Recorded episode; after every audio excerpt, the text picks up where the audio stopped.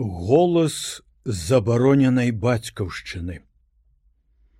Ян баршчэўскі 1794 1851 таксама вельмі цікавая асоба. Чалавек які пісаў вершы балады і паэмы по-польску шмат. І нічым з гэтага не ўвайшоў вялікую літаратуру Горача любіў родны край, але ведаў, што надрукавацца па-беларуску не дадуць, лічыў, што роднай мовай пакуль што нельга выказаць складаныя пачуцці і абстрактныя думкі. І застаўся ў літаратуры трыма было болей, але дайшло тры вершамі па-беларуску. Дзе і пачуццё і гістарызм, ды яшчэ чатырохтомным зборнікам, дзе пад кожным творам бруіць звініць льецца беларускі фальклор, беларуская песня, беларускі спосаб мыслення, фантазія беларуская, гора і шчасце беларуса. Шляхціц завальня або Беларусь у фантастычных апавяданнях. Это напісана таксама по-польску, сям там з беларускімі дыялогамі, але важна тое, што за кожным радком тут стаіць беларус і яго зямля. Паходзіў будучы паэт фальварка мурагіля возера Няшчарда на поўначы Беларусі, расомскі раён. Любіў гасціць у свайго дзядзькі, шляхціцца з тых, чый побыт быў амаль сялянскі, як і ў бацькоў Яна. Узімку возерам ішлі абозы. На вялізнай яго паверхні гуляла завіруха. Дядька ставіў на акно доміка свечку, каб падарожныя сяляне, перакупшчыкі, купцы, шляхта і вандроўнікі цягнуліся праз завею на агеньчык, як матылі ў летку.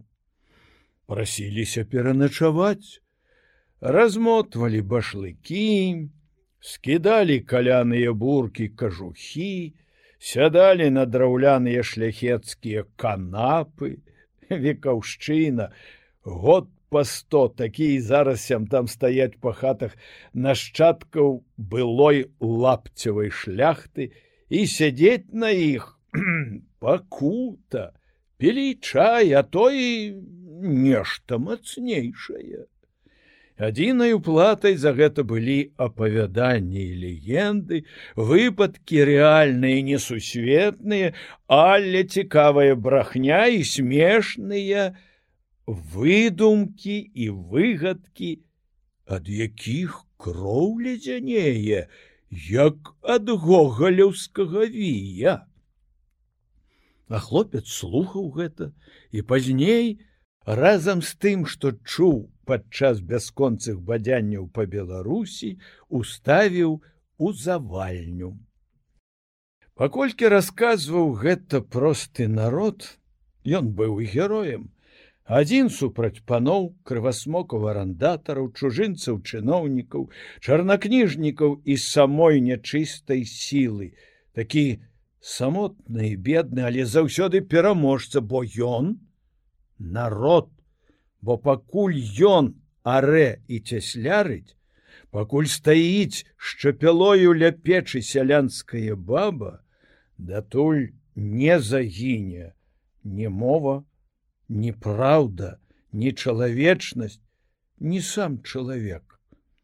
І вось з гэтага і ўзнікла адысея беларуская з тысячамі прыгод або лепей, нешта накшталт беларускай тысячи і одна ночы. Дзе одна казка пераходзіць у другую і все звязаны адной і той же фігурай прывабнай фігурай завальні у доме якога выпадковыя гости расказваюць розныя дзівосныя здарэнні. Што ж яшчэ ў мінулым стагоддзі падбярэзкі казаў што ва ўсіх заможнейшых дамах беларусі і інфлянтаў не знойдзеш столькі паданняў столькі народнай стыхіі што маецца ў адной хатцы такога хутарскога шляхціца. Па такіх хадзіў і баршчэўскі, будучы полацкім шкаляром. Борсака любілі, не рвалі з рук у руки, бо з ім весялей, пацешней, паэтычней было жыць. Узнагароджвалі па дастатку, меркай пшаніцы, гароху, грэчкі, бобу. Гэта і давала яму магчымасць вучыцца. Ён не думаў друкавацца, пісаў, бо гэта цешыла людзей, яны развозілі вершы па кірмашах, хвалілі, смяяліся. Пасля быў Петербург. Паездкі па чужых справах у Англію, Францыю, урокі латыні і грэчаска ў знатных сем'ях, але зімой вучыўся сам і вучыў другіх, а вясной, як жаваранка, паэзія гнала яго да роднага краю, рабіў тыя падарожжы пешу з кіем вандроўніка у руках. І вось завальня, тое, што піша баршчэўскі прозай гаворыць падбярэзкі, не датычыцца непасрэдна ні гісторыі, ні літаратуры, ні мовы Беларусі, але важнейшай рэчы духу і паэзіі народа, адкуль выцякаюць і гісторыі, літаратура і мова. Ён вырашыў даць вялікую мастацкую панараму нацыянальнага жыцця. Ён бачыць перад сабой народ, часам з усёй чароўнасцю паганскай фантазіі, якую ён апраменьвае сваім, так сказаць, беларускім гафманізмам. Всё жыццё яго адно суцэльнае адступніцтва ад самога сябе у імя паэзіі. Каб зразумець добра, што я гавару, трэба ведаць яго асабіста.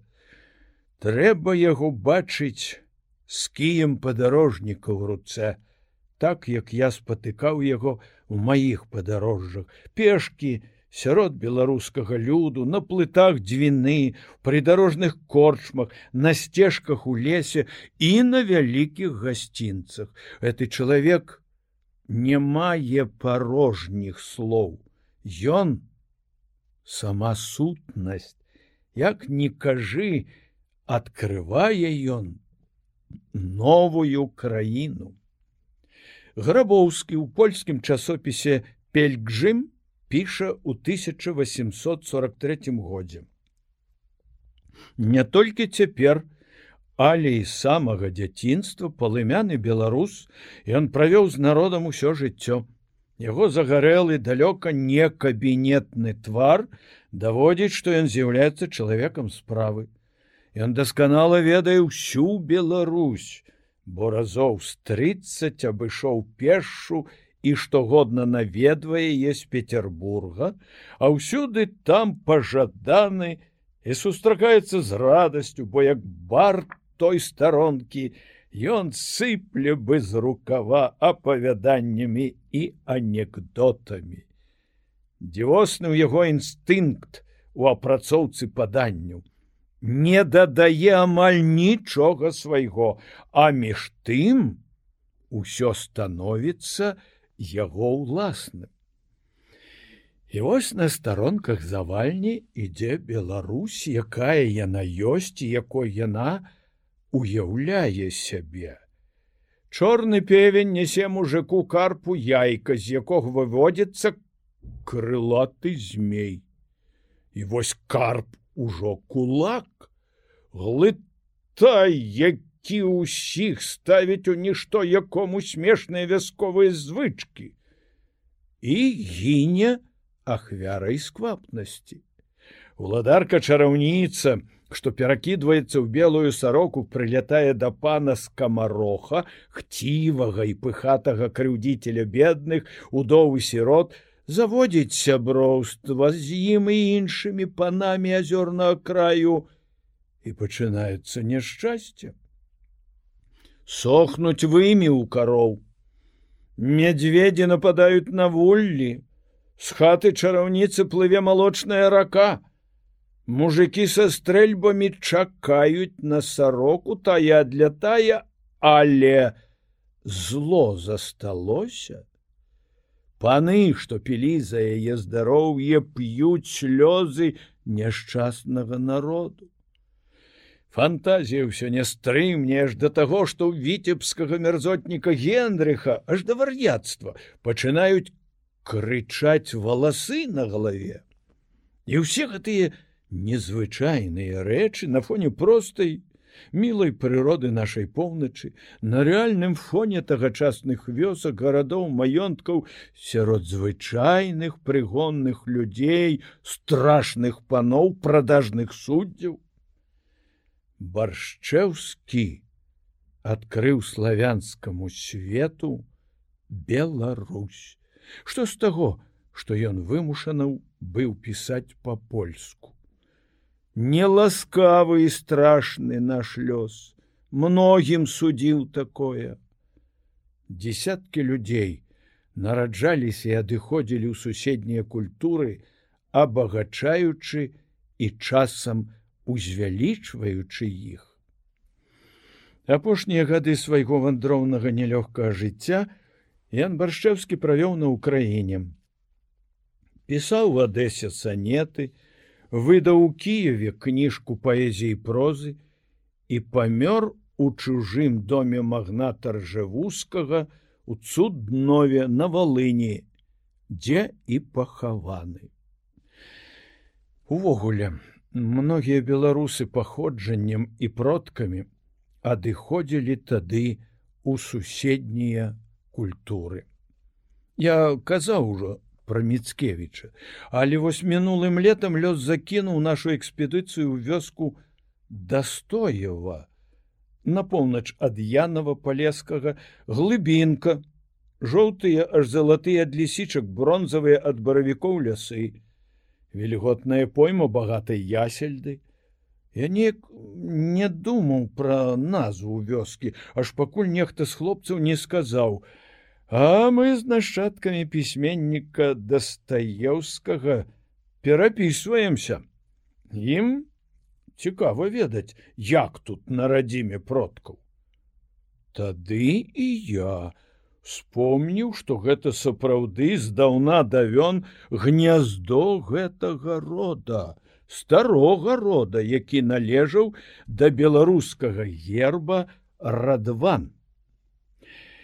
Так многія адыходзілі да суседзяў. Калі беларус слухае оперу галька манюшкі, Ён адчувае ў ёй і ў оперы страшны двор выразную беларускую песенную аснову. І праўда, вялікі кампазітар нарадзіўся у убелі под мінскам, выхоўваўся на народнай песні, напісаў аперету ідылія, тэкст да яе склаў адзін з заснавальнікаў беларускай літаратуры Дунін Марцінкевич, у якой паны гаварылі па-польску, а сяляне па-беларуску. Ён увогуле напісаў на словы Марцінкевіча чатыры творы, і гэта ўласна пачатак оперы беларускай.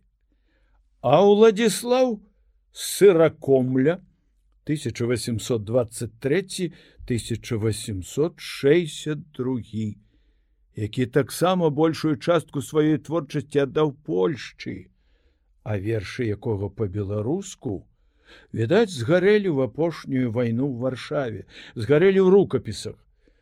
Засталося толькі некалькі рэчаў, страту гэтую нічым не кампенсуеш. Дзіўныя бываюць пуцявіны ў людзей твораў. Вось э, пачатак і канец верша сыракомлі паштальён. На пошту я трапіў зусім малады. Фурман з мяне ўдаўся зухвалы, а волі не меў, ды ганялі тады, хоць свята, хоць ноч усё мала. Конь чмыхнуў пры слупе, спыніўся на ўзбоч, у снезе под плахаю белой жанчыну я згледзеў яна ўжо за ноч як дрэва уся скасцянела я снежную намець атрос яе шат і труп подцягнуў да дарогі, абцёр ёй аблічча. Была гэта брат. Дай чарку, Не маю больш змогі. Што гэта? Ну ясна, што вы адразу пачулі голас спевака Лемешава. У перакладзе гэты верш стаў рускай народнай песняй, когда я на почце служил ямщиком. Манюшка калісьці пісаў з прычыны таго, што нехта ў мінску пажартаваў з беларускага паэта і драматурга Доніна Марцінкевіча, замовіўшы па ім пахавальны звой за спакой душы. І, вядома, не паставіўшы на пасылцы свайго імя, даслаў яму ў дом саван і падсвечнікі. Напэўна, жулкоўскі быў родам, з гэтага горада. А што датычыцца вальтера, то няма чаго і сумнявацца, што ён мінчанін. Не ведаю, чаму мальер лічыў сябе французам, калі ў мінску ледь не паказваюць вуліцу, дзе ён нарадзіўся. Не лічыце мяне за таго мінчаніна, але Вальтер як вальтер, мальер як мальер, тут я нічого не скажу, а вось вялікі французскі паэт Гіём Апалінер быў беларусам па крыві. Дед ягоны Міхал Апалінарый Кастравіцкі уцёк з навагрудчыны за мяжу пасля паўстання 1863 года. Ствараючы першую кнігу сваіх вершаў, Апалінер не ведаў, што ў гэты час 1910 год на беларускіх вандроўных сцэнах ідзе модны шляхцюк. Беларуская камедыя яго стрыечнага брата Казіміра Кастравіцкага, які выступаў пад псеўданімам Карусь каганец. Ці мала хто вымушан быў уцякаць ад пятлі, ад кулі ці нават проста ад немагчымасці выявіць сябе на радзіме. Вось некалькі прыкладаў. Чылі, хребет дамейка, горад дамейка, У гарах мінерал дамейкіт, У акіяне ракушка навуцілус дамейкус, На зямлі фіялка, дамейкіяна. Гэта гонар ігната дамейкі 1801-1889 год. Ураджэнца маёнтка нядзведка, што пад мірам, сябар Чачота Мцкевіча Зана, стрыечны брат марылі верашчакі першага кахання Мцкевіча, філарет, вязень турмы ў базылянскім кляж кляж вязень турмы ў базылянскім кляштары, Ён пасля разгрому паўстання 1830 года вымушан быў цячы за мяжу. Парыж, контракт з Чылі, лекцыі па хіміі і мінералогіі ў горадзе Какімба. Адкрыў жыхарам Чылі, што такое салетра, для чаго яна прыдатна адкрыў залежы медзі і срэбра. Пасля ён прафесор у Сант-Яга, распрацоўвае і ажыццяўляе школьную рэформу, падарожнічае сярод напаўдзікіх араўканцаў, робіцца іх другам бароніць іх. Чатыры тэрміны. Дамейка перавыбіраецца рэктарам універсітэта. Ён бацька чылійскай навукі, рэарганізатар прамысловасці, навучання. Пасля смерці ён абвешчаны нацыянальным героем Чылі. Бенедыкт Дыбоўскі 1833 мінскі павет 1900 30 Львоў. Сасланы пасля паўстання 1863 года ў Сібір пакінуў апісанні сібіры і далёкага ўсходу, якія дагэтуль лічацца класічнымі. Ён першы даследчык байкала, аўтар слоўнікаў камчадальскай, бурацкай і іншых моў. Константин ельскі, які пасля паўстання даследаваў трапічныя джунглі гвіяны і землі перу. Альбо Миколай судзілоўскі, родам з магілёўшчыны, які перад амерыканскай анексій быў прэзідэнтам гавайскіх астравоў і змагаўся з амерыканскімі купцамі і прамыслоўцамі за жыццё шчасце і поступ канакаў і ўрэшце пазней вількіцкі што адкрыў паўночную зямлю а таксама першы прайшоў паўночным марскім шляхам з владивостока у архангельск. А славуты пржавальскі род гэты под імем перавальскіх старадаўні віцебскі род. Словом многія ішлі ў розныя бакі, рабіліся героямі розных народаў на розных кантынентах. Яшчэ одно імя Франц Савіч 1815 каля 1845. -го. Арганізатар тайнага таварыства, якое пазней улілося в арганізацыю канарскага. Няўмольны вораг паноў прыгону прыхільнік рэвалюцыі. Беларус паляшук у яго вершы звяртаецца да ліцвіна і валынца. Ліцвін валынец, падайце ж мне руки. Так прысягаем на Господа Бога, царам на згубу панам для навукі. Яго арыштавалі ў 1838 годзе саслалі ў салдаты на Каўказ. Некалькі разоў ён спрабаваў уцячы за граніцу не ўдалося. Тады ён таемна асеў на ўкраіне, лячы украінскіх сялян быў медык. Падчас эпідэміі халеры ў 1845-47 годах ратаваў мужикоў, заразіўся і памёр. Ну пра дзеячаў літаратуры праз магароў пра географаў і вучоных 19 стагоддзя Мабыць досыць. Цяпер пра мастацтва у тыя часы Шкада, што мала месца дзеля таго, каб расказаць вам пра цудоўную беларускую архітэктуру 18-19 стагоддзяў, А тут ёсць на што паглядзець.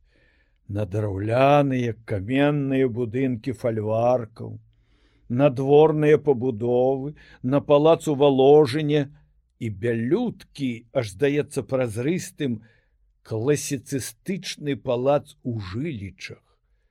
Што ж просто трэба паездзіць і паглядзець як зробіцеся сталымі вядома. Развіваўся і жывапіс. Вялікі ўзлёт пачаўся яшчэ ў канцы 18 стагоддзя. Імёны смуглевіча рустэма ваньковіча славутага партрэтыста аўтара міцкевіча на аюдау. Хруцкага партрэтыста і аўтара нацюрмортаў у прыватнасці славутых кветак і садавіны, якія так полюбіліся, што копіі з іх у пераважнай большасці дрэнныя паскудзяць сцены ўсіх чайных побач шышкінскімі мядзведзямі, а мастак рэдкасна таленавіты. Алешкевіча, аўтара дзіўных па тонкасці і светаценю партрэтаў альхімовіча, аўтара таленавітых гістарычных кампазіцый згаданага ўжо скульптара Мікешына, помнікі хмельніцкаму ў Киеве і тысячагоддзю рассіі ў Ноўгарадзе. Пейзажыста гараўскага, Селівановича з яго сцэнамі народнага быту дайшлі до нас вядома ж не ўсе іхнія творы что загінула что знаходзіцца невядома дзе у мінску іхніх карцін мала Затое вельмі много ў польскіх музеях і асабліва мастацкім музею вільнюса і іншых музеях літвы. І ўрэшце, калі пераходзіць ужо часткова ў двае стагоддзе, вялікі мастак рушчыц, карціны якога можна разглядаць гадзінамі. Вся зямля Беларусі ў іх, тая ж зямля і шэрыя камяні замкаў крэвя і вялюткія, каравыя ад старасці яблыні на ільснянай чорнай раллі. І млыны над чорнай вадою лясных ручаін і натоўп, што вясною прысеўля касцёла пад сінім сінім прамытым небам і бледнае асенняе сонца на дошках тэрасы. Гэта здорово. Калі давядзецца быць у вішні велеваложана, паглядзіце роспісы у тамтэйшым касцёле. Гэта таксама рушчыц. Або Генрых Вейсенгоф з яго зімовымі, заінелымі ружовымі ад сонца пейзажамі, з яго старымі дварамі, што тонуць у бэзе і замшэлымі крыжамі сялянскіх могілак. Ці жукоўскі таксама забыты інтэр'еры старых маёнткаў, апусцелыя асеннія лясы, І вядома, усе ведаюць бялыніцкага берулю з яго празрыста туманнымі, нібы злёгку бляклымі дужа настраёвымі пейзажамі. Ну і нізкі, таксама беларус, сын чыгуначніка з яго пейзажамі, на якіх дарогі, дэбаркадары, прадмесці, сцены далёкіх лясоў, з яго маладымі здаровымі целамі атлетаў з гэтым жывапісам, а пейзажы і тыпы беларускія пісалі і рэпін, і шышкін, і крамской і іншыя. І я ўжо апынуўся ў двадцатым стагоддзі, а нам трэба вярнуцца ў 19 да пачатку новай беларускай літаратуры да зараджэння нацыі беларускай. Пачалося з фальклорум. Таму што пасля таго, як выйшлі першыя кніжкі Доніна Марцінкевіча 1807-1884, ды яшчэ некалькі кніжак пасля 1863 года друкаванне слова было забаронена. Пасля паўстання 1863 года паўтарылі яшчэ раз і забарону слова і слова Беларусь.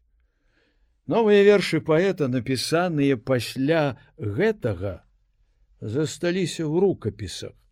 Смешная, злая, з'едлівая камедыя пінская шляхта, камедыя, што бичавала мяшчанства, тупасць, прадажнасць суда, подласць чыноўнікаў. Камедыя гэтая, напісаная ў 1866 годзе, убачыла свет толькі ў 1918. На працягу бітых 20 год, як чорная пустыня, за выключэннем рукапісаў, што хадзілі па руках ды патаемных нелегальных выданняў. І гэта якраз у часы, калі складалася нацыя. Невядома яшчэ колькі шкоды прынёс душам людскім гэты самадзяржаўна праваслаўна адзіна недзялімы смурод. Аднак людзі знайшлі выхад і тут. Нельга ж было ім забараніць збіраць і выдаваць зборнікі фальклору, пісаць этнаграфічныя гістарычныя кнігі, складаць слоўнікі. А фальклорны запіс скажам мае сваёй перадумовай. Записывай як чуеш. І вось таким чынам забароненая беларуская мова все ж трапляла на друкаваныя старонкі. Нібыта з чорнага ходу але ўсё ж трапляла вось яны ўзяліся дзеля чыстай навукі. І хаця І дагэтуль выдаваліся старажытныя акты і граматы, записываліся казкі і песні, Грыгарович, Пілеўскі, Всё ж сапраўдную шырыню справа набыла толькі ў тыя гады пасля паўстання 1863 года. 1870 выйшаў першы слоўнік сучаснай беларускай мовы на речі я насовіча, які ўключаў больш 30 тысяч арыгінальных слоў. Выдадзеныя былі акты, што датычацца гісторыі паўднёвай заходняй рассіі 15 тамоў 1861 1892 акты, што выдаюцца віленскай археаграфічнай камісіяй. 39 тамоў 1865 1915 і шмат шмат іншых. З'яўляліся працы такіх гісторыкаў, як кіркор, доўнар запольскі і такіх было много. Расла цікавасць да роднай мовы да народнага быту. З'яўляюцца выключныя па паўнаце, часта шматтомныя працы тых жа насовіча шейна, трохтомны запіс фальклору і этнаграфіі, федароўскага романова нікіфароўскага працы акадэміка карскага па мове гісторыі літаратуры і фальклору беларусі. І цікавейшыя палескія запісы сержпутоўскага дзе кожная казка дыямент так што чытаючы і наплачася і нарагочася было ясно что нацыя намагаецца стаць на ногі. Мы цяпер ведаем что по многіх прычынах народная нацыянальная самасвядомасць могла проявляться фальклорных этнаграфічных гістарычных кнігах але не мела магчымасці праявіцца ў літаратуры. А што ж гэта за самасвядомасць Што ж гэта за народ, калі ў яго няма сваёй літаратуры. Патрэбны былі пісьменнікі. Мала таго, пісьменнікі, якія адчувалі б свой час, свой народ і яго патрэбы. Быў патрэбен паэт зусім новага тыпу, і ён з'явіўся. Імя яму было францішак багушевич 1840 1900 нарадзіўся ён у сям'і дробнага шляхціца фальварку свіраны на віленшчыне. Скончыў вільні гімназію паступіў у петербургскі універсітэт але адтуль яго выключылі за нядобранадзейнасць. Настаўнічаў